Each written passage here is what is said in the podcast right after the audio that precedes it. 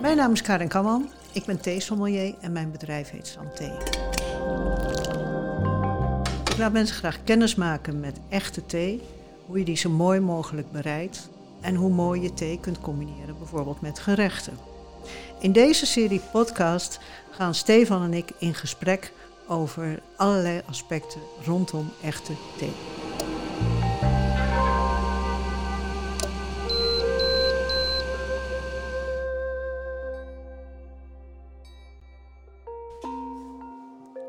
Karin, jij hebt uh, iets voor mijn neus neergezet. Ja, dat klopt. ik heb nu wel, uh, ik verwen jou wel even met een hele bijzondere thee nu. Ja, het is ongekend. Ja, ja.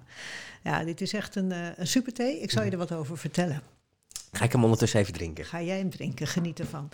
Um, deze thee, die heet Oriental Beauty.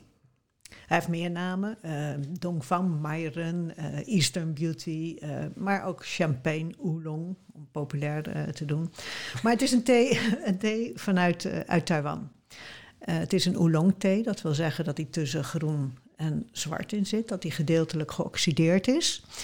Ehm, maar daarmee zijn we er niet. Mm. He, hij is nu nog een beetje warm, dus ja. als je zo meteen gaat proeven, dan denk ik maar zo dat als ik zeg uh, geranium, bloemig, uh, rijpe druiven, de zoetheid van honing, ja. de frisheid van citrus. Ja, nou, ja.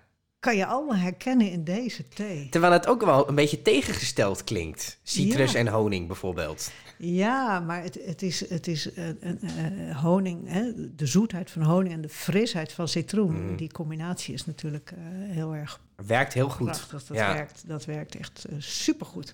Maar goed, smaak is persoonlijk ding. En ik lepel zomaar eventjes wat op ja. wat ik zelf associaties mee heb.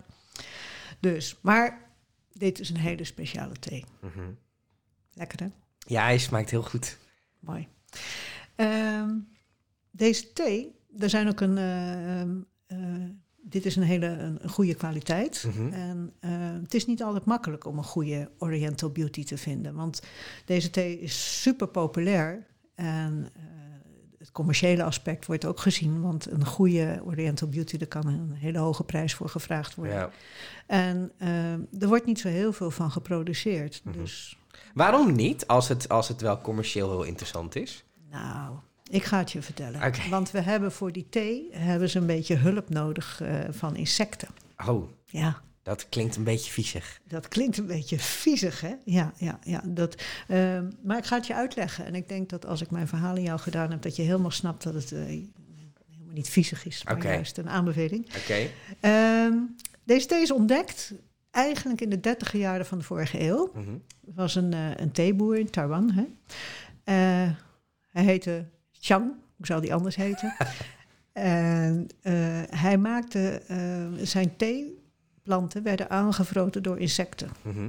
En hij vond het een beetje zonde om er niks mee te doen, dus hij ging er toch thee van maken. Mhm. En uh, die thee was heel onderscheidend van smaak. En hij won alle prijzen die hij maar kon winnen daarmee. Die uh, won hij daarmee. En uh, hij schepte daar nogal over op. Ja, dat hij tuurlijk. zulke goede thee had.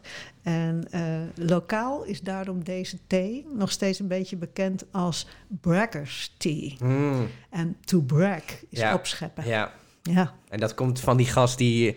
Maar had hij meteen door waardoor dat kwam? Dat die smaak zoveel, zoveel lekkerder was? Nee joh, daar snapte hij helemaal niks van. Maar hij dacht gewoon, ik ben goed bezig.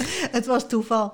Uh, uiteindelijk uh, weten we precies hoe het komt dat deze thee zo speciaal smaakt. Mhm. En uh, dat kan ik je ook wel uitleggen.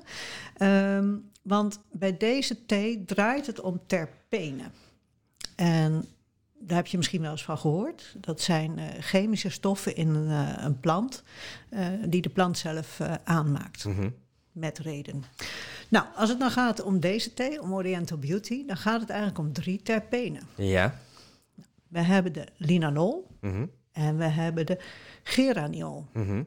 Nou, deze zijn al in de plant aanwezig en die worden um, tot ontwikkeling gebracht. Uh, ten eerste omdat de bladen al veel langer dan gebruikelijk gedroogd worden, waardoor de terpenen geaccentueerd worden. Mhm. Maar um, daarnaast is het ook zo um, dat tijdens het rollen van het blad het blad een beetje warm en nat gehouden wordt, waardoor deze terpenen nog meer vrijkomen. Komen. Dus dat doen ze allemaal extract, ex, eh, of expres. Ehm, dan krijg je dus een thee die bol staat van de bloemige, de fruitige tonen. Mhm. Nou, dus je hebt hem voor je neus en je herkent het eh, vast wel. Zeker, Dus het zijn eh, hele bijzondere componenten voor een thee. ja. Maar dan zijn we er nog. Maar daar houdt het niet mee op. Want ik zou je vertellen over de insecten. Er is meer. Er is meer.